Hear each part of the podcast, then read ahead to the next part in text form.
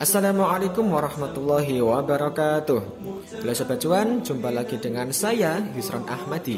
Mas Podcast teman investasimu persembahan dari Kuantum Sinergi Umat ksu.co.id Seperti biasa, dalam beberapa episode ke depan saya akan menemani teman-teman dalam membahas mengenai seputar dunia investasi jika teman-teman ingin belajar investasi, kalian bisa simak terus episode-episode podcast ini. Bisa juga lihat IG maupun YouTube-nya GSU.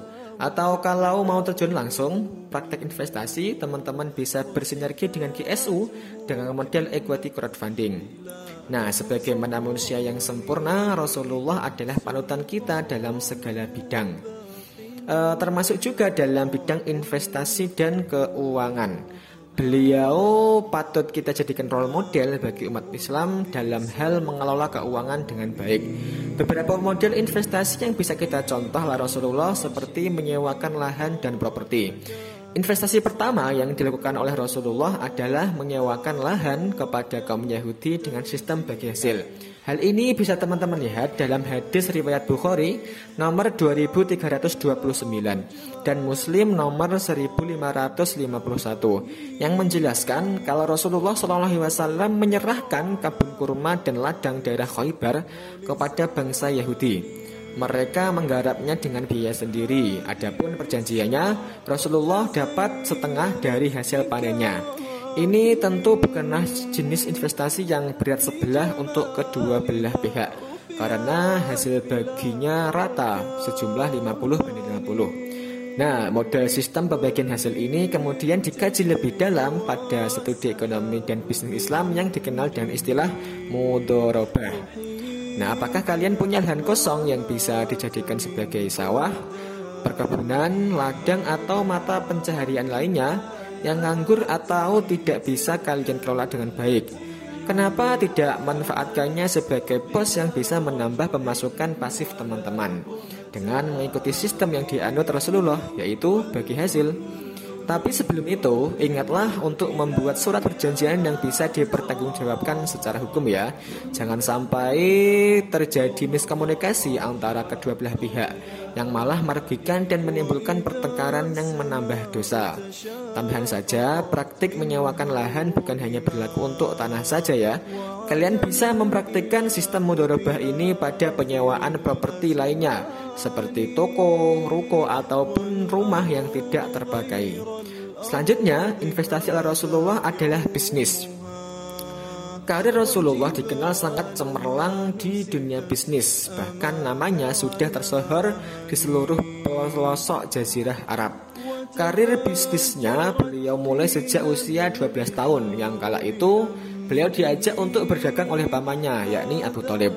Nah, oleh Abu Talib ini beliau diikut sertakan dalam perjalanan bisnis ke Suriah Nah, sejak saat itulah jiwa berdagangnya mulai tumbuh. Beliau mulai merintis usaha pertamanya di Mekah dengan berdagang kecil-kecilan di sekitar Ka'bah. Usahanya kemudian terus berkembang karena keuletan beliau dalam menjalankan bisnisnya ini. Nah, kemahirannya dalam menjalankan sebuah bisnis juga dituliskan dalam Al-Quran surat Az-Zahab ayat 21 yang artinya Sungguh telah ada dalam diri Rasulullah suri tauladan yang baik bagimu Bagi orang yang mengharapkan pertemuan dengan Allah dan hari kiamat Dan yang banyak mengingat Allah. Nah terdapat kiat-kiat berdagang oleh Rasulullah Yang bisa kita tiru untuk bisnis kita ya. Kalau kita nanti bakalan terjun ke dunia bisnis Di antaranya ada beberapa yang pertama, penjual itu tidak boleh berbohong dan menipu. Rasulullah pernah bersabda, apabila dilakukan penjualan, katakanlah tidak ada penipuan. Kemudian juga memberikan waktu tenggat pelunasan untuk pelanggan yang tidak mampu membayar kontan. Apabila sampai lewat waktu tenggat pelanggan tidak mampu melunasi, Rasulullah biasanya akan mengikhlaskannya. Ini mungkin yang sangat sulit kita tiru ya, karena bagaimanapun kita bisniskan untuk mencari cuan, tapi bagaimanapun juga beliau adalah Rasulullah. Bisa jadi itu adalah bentuk sodakoh Rasulullah dalam perdagangan. Selanjutnya, Penjual tidak boleh sumpah yang berlebihan, apalagi sumpah palsu. Terus transaksi barang akan sempurna hanya dengan kesepakatan bersama, tidak boleh hanya sepihak saja. Kemudian penjual harus benar dalam timbangan dan juga takaran. Selanjutnya, orang yang bayar di muka sebuah barang tidak boleh menjualnya sebelum bisa melunasi sisanya. Kemudian juga yang terakhir yaitu dilarang melakukan monopoli. Itu ya beberapa nasihat dan juga kiat-kiat bisnis ala Rasulullah Shallallahu Alaihi Wasallam. Selanjutnya cara investasi ala Rasulullah yang ketiga adalah melakukan investasi pada instrumen emas. Dalam Islam, emas diakui sebagai salah satu jenis investasi unggulan sejak dulu. Pasalnya, emas adalah salah satu alat utama dalam perdagangan di zaman Rasulullah.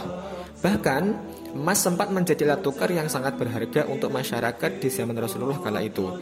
Bukan cuma karena nilai jual dan belinya yang tergolong tinggi, tapi juga karena sifat emas yang tidak terganggu oleh inflasi. Untuk teman-teman yang ingin mengikuti jejak Rasulullah dan melakukan investasi yang sesuai dengan sunnah, emas bisa dijadikan salah satu pilihan ya. Uh, tapi ingat, untuk mendapatkan return yang maksimal, investasi emas ini lebih baik dilakukan dalam jangka panjang.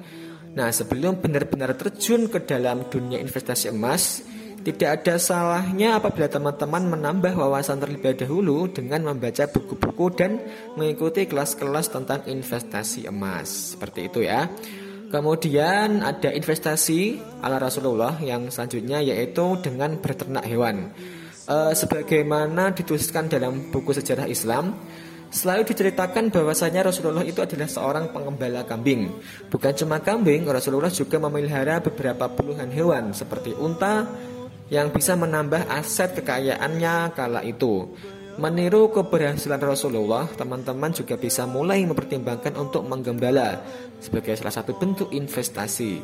Untuk di Indonesia sendiri, hewan yang masih banyak digandrungi adalah sapi, kemudian kambing, ayam, ataupun lele. Kalian bisa membeli beberapa ekor untuk bisa dipelihara.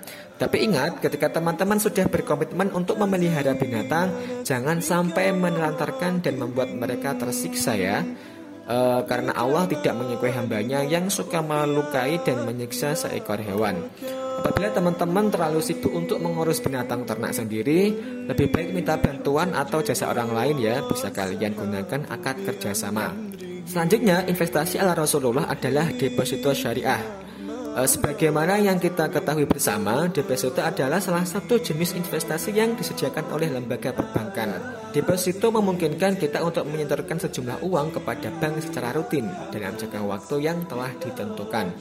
Uang yang ditarik oleh bank akan diputar agar kita bisa mendapatkan bunga selama melakukan investasi di deposito ini.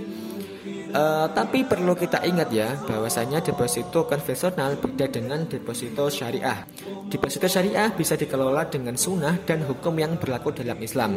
Seperti misalnya dalam deposito syariah, bunga yang diterima bukan dalam jumlah yang disepakati sejak awal, melainkan menggunakan sistem bagi hasil. Karena sebagaimana kita ketahui, bunga termasuk dalam hal riba yang mana praktek ini sangat dibenci oleh Allah Subhanahu wa taala. Lalu jenis investasi ala Rasulullah yang terakhir adalah sedekah. Lalu kenapa sedekah termasuk dalam jenis investasi? Teman-teman ingat nggak kalau Allah pernah berfirman dalam surat Al-Baqarah ayat 261 yang artinya orang yang menginfakkan harta di jalan Allah seperti sebutir biji yang menumbuhkan 70 tangkai. Kemudian pada setiap tangkainya terdapat 100 biji. Allah melipat gandakan kepada siapa saja yang dia kehendaki. Allah maha luas dan maha mengetahui. Artinya siapa pun hambanya yang mau dan ikhlas untuk bersedekah, niscaya Allah akan melipat gandakan rezekinya. Nah, bukankah konsep ini serupa dengan investasi yang mana kita menabung dan mendapatkan return dalam kurun waktu tertentu? Ditambah investasi yang satu ini memiliki return yang tidak terduga jumlah ataupun besarannya. Jadi jangan ragu untuk melakukan investasi yang satu ini di mana pun dan kapan pun dengan hati yang ikhlas ya. Karena rezeki kita tidak serta-merta akan habis hanya karena bersedekah. Justru Allah malah bisa menggantikan dengan kelipatan yang jauh lebih besar dari nilainya. Itulah beberapa investasi ala Rasulullah. Teman-teman bisa memilih dan sesuaikan dengan kondisinya masing-masing. Semoga kita bisa menadani atas apa yang telah Rasul kerjakan ya Oke, mungkin itu dulu podcast dari kita. Semoga bermanfaat dan jangan lupa dibagikan ke teman-teman yang lain. Sampai jumpa di podcast kita selanjutnya. Sekian.